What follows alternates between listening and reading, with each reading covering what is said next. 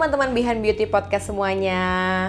Balik lagi nih sama aku Enivia. Gimana nih teman-teman kabarnya? Semoga baik-baik aja ya. Nah di Behind Beauty Podcast kali ini Tenang aja kamu nggak salah kok baca judulnya.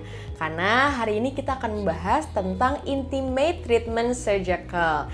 Nah mungkin daripada berlama-lama lagi ya Mending kita langsung ngobrol aja nggak sih Dengan salah satu dokter uh, Plastetik Klinik yaitu Dr. Fania Aramitasari, spesialis bedah plastik uh, dan rekonstruksi estetik di Plastetik Klinik Bendungan Hilir. Halo dok. Halo Eni, apa kabar? Baik dok, alhamdulillah. Dokter apa kabar dok? Baik, alhamdulillah. Alhamdulillah. Nah nih dok, mungkin ini salah satu podcast yang paling ditunggu sama teman-teman semua kali Oh, ya. gitu ya? Apalagi ibu-ibu gitu kan. Hmm, benar, benar, benar. kita akan membahas soal intimate treatment surgical. Bahasannya agak-agak ini ya, mungkin tabu kadang-kadang diomongin tapi butuh juga loh Iya. karena banyak ternyata yang belum tahu. Ya, eh, ya penting lah ya sebenarnya. Oke, nih dok, eh, apa namanya? Aku mulai coba masuk aja kali ya dok ke eh, podcastnya. Buat teman-teman, kalau misalkan ada yang mau ditanyain atau eh, ada hal-hal yang eh, mau dikonsultasikan, itu nanti bisa ya. eh, kalau misalkan mau konsul bisa DM ke @plastetic.clinic. Oke, nih dok, ngomong-ngomong soal temanya kita hari ini tentang intimate treatment surgical, pastikan erat ya dok kaitannya dengan keperawanan. Nah, eh, di sisi ini bener nggak sih dok? Kalau misalkan eh, hubungan seksual pertama kali itu pasti eh, akan ada darah gitu dok. Atau misalnya ada bercak darah di hubungan seksual pertama kali gitu dok. Mungkin aku sendiri juga belum tahu nih dok. Bisa dijelasin ke Iya, iya, teman-teman iya, semuanya itu valid atau enggak sih dok? Hmm, menarik juga ya. Jadi sebenarnya keperawanan itu dinilai dari utuh atau tidaknya selaput darah. oke benar Tapi sebenarnya ternyata selaput darah ini bentuknya itu nggak selalu yang terlihat akan sobek gitu ya. oke Karena bentuknya bermacam-macam. Ada yang memang hanya lubang di tengahnya dan selaput darah ini dibentuk oleh suatu lapisan seperti kita sebutnya mukosa ya. Mukosa itu sebenarnya kayak kulit tapi dia basah terus gitu. Jadi seperti dinding vagina atau kalau mau gampang dalam mulut deh. oke Kalau kita sariawan tuh dalam mulut itu mukosa juga. Nah sebenarnya pembentuk dari himen atau selaput darah itu adalah mukosa yang mana ya dia nggak elastis ela- elastis banget sih tapi sebenarnya belum tentu berdarah loh kalau misalnya dia memang pada saat berhubungan itu lubrikasinya cukup Mm-mm. kemudian eh, memang tipe himennya atau tipe selaput darahnya itu yang memang tengahnya itu berlubang Mm-mm. kemudian di- dia stretch dengan baik ya berarti belum tentu berdarah jadi Oh, sebenarnya itu mitos kalau misalnya malam pertama pasti berdarah belum tentu karena sebenarnya tergantung dari bentuk selaput darahnya. Oke, jadi eh, selaput darah itu sendiri mungkin aku eh, informasikan lagi ke teman-teman kalau itu semua beragam. Jadi betul. eh, bentuknya ya. eh, eh, beragam. Jadi mungkin eh, ada nggak sih dok orang yang bahkan nggak punya selaput darah gitu? Hmm, sebenarnya enggak sih. Selaput darah pasti ada tapi bentuknya aja yang bermacam-macam Dan selaput darah ini juga belum tentu bisa rusak hanya dari berhubungan seksual. Masih ada eh, cara lain atau banyak penyebab selaput darah itu yang sobek. Bisa karena trauma atau olahraga Hmm. misalnya ya, itu juga bisa menyebabkan eh, robeknya selaput darah. Nah, tapi nih kalau misalnya udah sobek, nah itu bisa diperbaiki sebenarnya. Nanti kita Nah. omongin ya mungkin. Oke, Masih baik. ada deh pertanyaan itu deh. Nih, dokter Fania udah nyinggung bisa diperbaiki Mm-mm. oleh boleh kasih tahu dong eh, apa aja tuh treatment-treatment eh, untuk organ intim, baik untuk memperbaiki atau misalkan mengencangkan, apa pun itu deh dok. Oke, eh, untuk memperbaiki selaput darah, karena kita tadi habis ngomongin selaput darah, saya bahas selaput darah dulu ya. Baik. Jadi sebenarnya ada banyak nih, ada beberapa operasi yang bisa dilakukan atau perawatan yang bisa dilakukan di organ intim. Karena tadi kita udah ngomongin himen atau selaput darah, mungkin saya akan jelasin dari situ. Jadi selaput darah yang sobek itu bisa dijahitkan kembali gitu. Saya eh, bisa mendapat eh, biasanya mendapat kasus ini contohnya karena perkosaan ya ko- korban perkosaan atau mungkin uh, accident aja ya Em, ya mungkin dia nggak bermaksud kemudian kebablasan lalu dia ingin memberikan yang terbaik untuk calon suaminya gitu itu bisa dijahitkan kembali. Jadi nanti uh, suaminya akan uh, mendapatkan keperawanannya lagi gitu dengan uh, selaput darah yang diperbaiki. Nama tindakannya adalah himenoplasti. Himenoplasti. Ya, himen itu adalah selaput darah, plasti itu membentuk. Jadi kita kembalikan lagi struktur selaput darahnya. Saya juga beberapa kali mendapat kasus biasanya uh, memang ada pemeriksaan tertentu ya. Ada memang uh, untuk uh, misalkan yang tes polisi gitu-gitu ya, ya, mungkin dok, ya, uh, gitu. Oke, oke, oke. Dan sobeknya juga belum tentu karena berhubungan loh.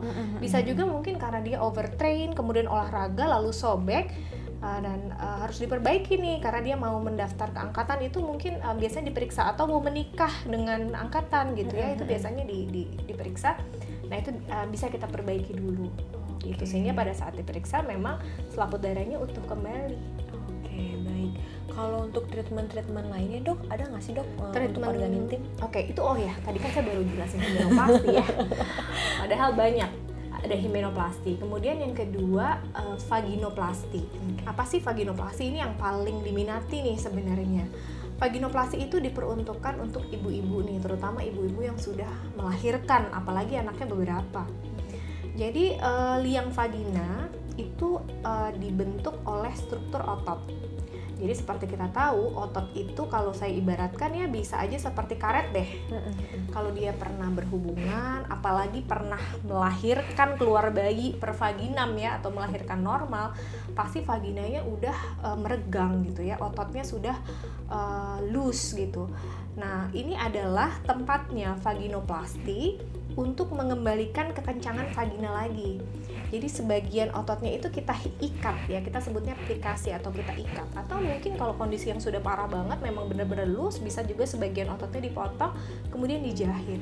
Efeknya apa? Sehingga itu kembali lagi kekuatan eh, vaginanya itu seperti waktu masih gadis dulu. Jadi ini sebenarnya untuk keharmonisan rumah tangga gitu. Mungkin uh, semakin bertambah usia gitu kan proses aging juga nggak cuma melahirkan nih kadang-kadang uh, proses aging juga membuat otot melemah kemudian ingin um, keharmonisan rumah tangga tetap terjaga atau ingin membahagiakan suami misalnya. Nah itu bisa melakukan prosedur vaginoplasti. Jadi kembali lagi seperti perawan dulu gitu kenceng lagi otot vaginanya. Itu yang uh, operasi kedua. Ada lagi uh, nama operasinya adalah uh, clitoral hood reduction atau operasi klitor klitoris deh. Klitoris itu kalau di perempuan itu analoginya kalau di laki-laki itu dengan glans penis. Jadi di situ banyak sekali ujung-ujung syaraf. Di mana uh, perempuan itu mungkin banyak yang selama ini tuh uh, kita mungkin kenal dengan istilah fake orgasm ya. Jadi pura-pura nih biar udah Oh, capek iya, gitu, iya, iya. udah I, I don't feel a thing gitu dengan karena udah Biar bertambah biar dia seneng Iya, aja. biar seneng aja, udah, selesai gitu ya. Eh, jadi sebenarnya itu kenapa? Karena mungkin ada understimulasi dari klitoris itu. Kenapa sih bisa understimulasi? Biasanya karena dia sudah tertutup oleh eh, jaringan yang eh, menutupi si klitoris itu. Jadi klitorisnya nggak terekspos. Nah itu bisa eh, dibuka, dibuka, dikurangin hoodnya ya hood kan apa ya kayak eh, hoodie gitu ya. Kayak topinya Iya, kayak gitu. topinya hoodie-nya itu dibuka sedikit sehingga klitorisnya lebih terekspos. Nah, kalau tadi vaginoplasti mungkin buat suami, nah perempuan juga mungkin bisa membahagiakan diri dengan melakukan uh, clitoral hood reduction. Kemudian yang berikutnya ada labiaplasti. Wah, ini mungkin saya boleh nggak sambil Oh, bawa boleh dummy banget ini dok. ya. Ini Mungkin ada biar dummy nih, teman-teman jelas nih. Nah, ini nih eh, kita sebut klit, ini yang tadi clitoral hood reduction ini nih di tengah sini ya. Tengah-tengah. Kemudian di atasnya kan ada hoodie-nya nih, Heeh, ada kayak topinya. Nah, ini topinya bisa diangkat. Kemudian ada yang namanya labiaplasti gitu ya. Labiaplasti itu sebenarnya ada dua. Labia itu eh, dari kata eh, bibir ya. Labia itu bibir. Bibir di organ intim itu ada dua. Bibir kecil labia minor dan bibir besar labia mayor. Nah, untuk yang bibir besar ini semakin bertambahnya usia dia semakin kempot, semakin hilang masa lemaknya. Ini bisa diisi, bisa dengan filler atau bisa juga dengan fat graft atau dari lemak kita sendiri. Jadi dibuat dia puffy lagi gitu. Padat lagi gitu Padat ya, lagi untuk bagian luarnya. Sebaliknya yang bibir dalam, yang labia minora ini semakin bertambah usia dia semakin memanjang. Nah ini nggak cuma masalah estetika yang terganggu aja ternyata. Ini yang terlalu panjang kadang-kadang kalau pakai celana tergesek-gesek kemudian lecet misalnya. Nah itu butuh dikurangi. Itu juga nama tindakannya labiaplasti. Jadi labiaplasti bisa labiaplasti mayor atau labiaplasti minor. Kalau yang ini ditambah yang ini yang uh, bagian uh, dalamnya ya labia labia yang bibir kecilnya ini yang di dalam itu dikurangin justru oh. gitu jadi dia tidak bergesekan dengan celana kemudian tampakan secara estetika juga lebih baik okay. gitu jadi sebenarnya banyak banget nih yang bisa dilakukan di organ intim gitu jadi ujung-ujungnya untuk apa sih untuk meningkatkan kualitas hidup sebenarnya okay. balik Dan, lagi ke situ ya dok balik ya ke situ tapi ada efek kesehatannya juga nih yeah, untuk yeah, labiaplasti yeah. ya terutama oke okay. Uh, berarti kalau misalnya labia plasti minor dan mayor itu berarti ibarat kata kayak kebalikan gitu ya dok ya? Yang hmm, satu ya, dikurangin yang satu gitu di ya. satu ditambah ya gitu benar-benar. Ya. oke oke. kadang nggak okay. simetris juga yang labia minor yang bibir kecil yang di dalam itu ya? Kadang nggak simetris jadi kanan kiri tuh berbeda. Nah itu bisa juga disamakan itu untuk estetiknya sih. Oh baik baik mungkin itu bisa pakai filler gitu ya dok? Atau kalau dikurangi nggak dengan surgery. Oh. tapi yang di luar tadi yang labia mayora yang besar oh kan ditambah mm-hmm. ditambahnya itu bisa dengan filler oh, atau baik. bisa juga dengan lemak dari tubuh kita sendiri oh, misalnya okay. diambil dari perut atau dari paha kita ambil lemaknya kita pindahkan ke labia mayora. Oke, okay, baik. Nah itu kan tadi berarti ada empat ya dok ya, ada empat tindakan. Berapa tuh tadi? Himeno, Himeno vagino, vagino, klitoral, labia, labia. plasti. Labianya ada dua ya, labia jadi ada dua, lima ya. lah ya. Lima lah ya, oke. Okay. nah dari uh, kelima prosedur tersebut itu bisa nggak sih dok dilakukan bersamaan? Bisa banget bisa oh, banget justru masalah menurut saya lebih baik kalau misalnya memang mau melakukan semuanya lebih baik barengan karena okay. biar downtime-nya uh, bareng gitu oh, ya okay. karena pasca melakukan uh, intimate surgery itu ada tidak boleh melakukan hubungan seksual kurang lebih uh, 4 sampai 8 minggu. Dua bulan berarti dok ya antara satu sampai dua bulan. Biasanya kita lihat sih tergantung tindakannya. tergantung tindakannya. Jadi sama-sama downtime ya sama-sama harus tidak boleh berhubungan dulu. Lebih baik memang kalau menurut saya bersamaan.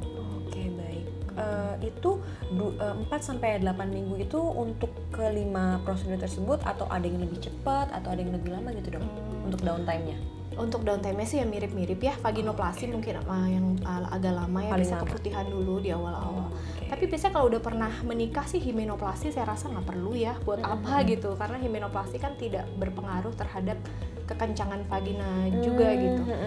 Mungkin himenoplasti itu biasanya dibutuhkan pada uh, perempuan-perempuan justru yang masih perawan yang um, menginginkan keperawanannya kembali gitu mungkin tidak perawan karena berbagai macam hal ya bisa pemerkosaan atau mungkin olahraga yang tadi sudah disebutkan. Hmm. Tapi kalau sudah ibu-ibu sih saya rasa nggak perlu iya, ngapain nih menoplasti. Iya, iya udah nikah iya, ini udah nikah juga. mending uh, mungkin untuk vaginoplasti ya, ya dok kalau misalkan vaginoplasti ibu-ibu uh, mengencangkan gitu. Oke, okay, baik. Nah, dari kelima treatment tersebut nih dok, itu ada nggak sih dok efek sampingnya untuk pasien? efek samping. Nah, jadi memang di situ banyak uh, pusat-pusat saraf ya, terutama di ini untuk tindakan labiaplasti yang minora nih uh, jadi memang ada beberapa struktur-struktur yang pasti kita hindari gitu untuk mengurangi ya sebenarnya enggak sih justru klitoral meningkatkan sensitivitas iya. vagino juga meningkatkan sensitivitas mm -hmm. tapi labiaplasti yang minora itu kita lakukan tekniknya dengan mempreserve uh, sensasinya mm -hmm. gitu jadi supaya walaupun nggak hanya tampakan dan fungsi yang membaik uh, juga sensasi juga kita harap justru tidak berkurang atau malah enhance okay. gitu harapannya gitu. Jadi kalau ditanya efek samping biasanya vagino juga ya pasien tuh pasca vagino keluhannya keputihan gitu. Biasanya karena memang masih ada benang, tunggu benangnya diserap. Nanti kalau benangnya diserap biasanya keputihannya hilang. Atau di saat sudah satu bulan kontrol kalau perlu kita buang uh, uh, apa benang-benang yang terlihat itu juga mengurangi uh, keputihan. Sebulan aja sih maksimal. Itu benang-benangnya tuh dihilanginnya gimana tuh dok? Dicabut, benang, dipotong? Benangnya diserap sih jadi oh, nggak oh, usah khawatir. Ya benangnya okay, akan okay. menyatu dengan tubuh. Karena mungkin kan uh, ada aja tuh dok mungkin teman-teman yang tertarik tapi kayak ngilu karena kan itu secara organ intim ya dok. Iya, iya. organ yang paling bisa dibilang paling sensitif juga ya bagi wanita ya, kan gitu dibius dok. dulu ya uh, pada tenang guys. Nggak mungkin. Pasti dibius dulu gitu dalam posisi tidur tidur gitu. Dan biasanya juga saya kombinasi dengan prosedur-prosedur lain sih. Yang paling sering kami tak bareng vagino tuh paling sering. Oke. jadi sekalian buang uh, perut, sekalian vaginoplasti. Oke, dok. Tadi kan dokter juga sempat nih mention soal uh, fungsi kesehatan. Nah, itu boleh dong dok dikasih tahu uh, apa aja nih dok kalau misalkan fungsi atau manfaat uh, prosedur tersebut bagi kesehatan. Oke, yang jelas sih mungkin yang uh, labia pasi minora tadi kalau misalnya sudah menimbulkan gangguan kemudian iritasi gitu ya itu merupakan salah satu jawaban Oke, bukan salah baik, satu sih baik. saya rasa itu satu-satunya jawaban karena nggak bisa betul, lagi betul. dikurangin selain dengan surgery Betul betul betul. terus kemudian efek kesehatan lainnya ya uh, menurut saya ya peningkatan kualitas hidup ya jadi mungkin secara psikologi ya hubungan suami istri yang makin harmonis Betul, betul, betul. seperti itu Oke, baik. Oh Nah. sama satu lagi sorry vaginoplasti juga karena dia mengencangkan Hmm, otot hmm, vagina itu juga baik ya karena ses- segala sesuatu yang terlalu kendur itu memang uh, pasti menimbulkan uh, efek-efek uh, yang kurang baik gitu jadi karena itu ototnya dikembalikan lagi kan Hmm, sebenarnya hmm. ke posisi semula ke Mm-mm. posisi seperti waktu zaman masih muda dulu gitu Hmm, itu hmm, juga pasti berpengaruh uh, untuk kesehatan Oke, baik. Jadi sebenarnya eh, banyak banget ya dok manfaatnya gitu. Jadi eh, teman-teman bisa tuh menjadi pertimbangan lagi kalau misalkan ada keraguan atau apa dari penjelasan dokter Fania tadi udah eh, jelas banget ya teman-teman. Oke, nih dok ada terakhir eh, pertanyaannya yaitu eh, ada nggak sih dok pasien yang tidak boleh melakukan eh, treatment-treatment atau prosedur tersebut? Apa misalkan pasien yang eh, memiliki eh, gejala atau misalkan memiliki penyakit apa oh ya gitu-gitu? tentu ya pasti. Eh, nomor satu mungkin kesehatan reproduksi diperhatikan dulu gitu. baik. Mungkin ini eh, dokter kandungan yang lebih lebih kompeten dalam menjawab gitu. Jadi memang biasanya saya minta screening dulu juga sih. Jadi ke dokter kandungan untuk cek nih eh, screening misalnya eh, cervix, kemudian apakah ada jamur di sekitar uh, vagina gitu ya apakah sedang infeksi atau tidak gitu. Biasanya kan ada tuh kalau lagi keputihan banyak ya jangan disembuhkan dulu infeksinya. Kemudian uh, itu tadi ya sudah saya biasanya minta hasil pap smear terakhir gitu ya. Hmm, karena kita hmm. sebenarnya nggak perlu mengoperasi pun pap smear juga kan rutin harusnya Iya, dilakukan. betul betul. terutama untuk orang yang udah sexually aktif. Oke. pap smear harus dilakukan. Paling itu sih jadi mm, ini adalah uh, tindakan yang enhance quality of life gitu. Jadi kalau nggak dilakukan kenapa dok? Yang nggak apa-apa juga sih kalau nggak dilakukan Mhm, gitu. Bukan sesuatu yang harus tapi if you want to enhance the quality of life ini adalah salah satu caranya gitu. Oke, itu salah satu jawabannya ya guys. Jadi eh, kalau aku sih nonton podcast ini ya atau dengerin podcast ini mungkin nanti aku kalau jadi udah ibu-ibu gitu ya, ya itu bisa menjadi salah satu alternatif atau pertimbangan buat aku Biasanya juga di gitu ya dok. 40 something gitu biasa Iya. ibu-ibu Udah mulai kepikiran saya, ya. saya banyaknya umur-umur segitu sih baik. udah aware udah tahu tapi ternyata banyak juga sih yang udah aware tapi beberapa tuh juga banyak yang belum tahu gitu Hmm, bahwa hmm, ini tuh bisa loh dilakukan gitu. Mungkin baik lagi karena tadi eh, kayak dokter bilang ini hal yang masih tabu ya. Betul, Jadi betul. masih mikir-mikir, masih ragu banget lah. Ibarat kata kayak gitu. Oke. Nah, buat teman-teman kayak tadi aku udah bilang di awal, bagi yang masih ada pertanyaan, keraguan atau pengen konsultasi sekaligus, itu bisa langsung menghubungi Plastetik Klinik lewat sosial media, baik lewat DM Instagram atau bisa langsung menghubungi nomor admin yang tertera di Instagram juga. Oke, Dokter Fania, nggak kerasa nih tadi udah banyak banget ya pertanyaan-pertanyaan Iya, yang ya. aku lontarkan seru banget nih karena eh, tadi aku bilang juga nih podcast yang ditunggu-tunggu oleh sebagian besar wanita terutama ibu-ibu ya. betul betul Oke, Dokter Fania makasih banyak ya, Iya, Dok sama-sama, atas Eni. waktunya dan Sama-sama. Aku dan senang informasi yang udah diberikan ke teman-teman semuanya. Semoga semuanya bisa menjawab keraguan dan pertanyaan bagi teman-teman. Oke, kalau misalnya begitu, eh, aku akhiri ya, Dok, eh, Oke. podcast kali ini. Jangan lupa untuk eh, subscribe juga di YouTube kita dan ikutin terus Behind Beauty Podcast selanjutnya. Oke, sampai jumpa di Behind Beauty Podcast selanjutnya. Dadah.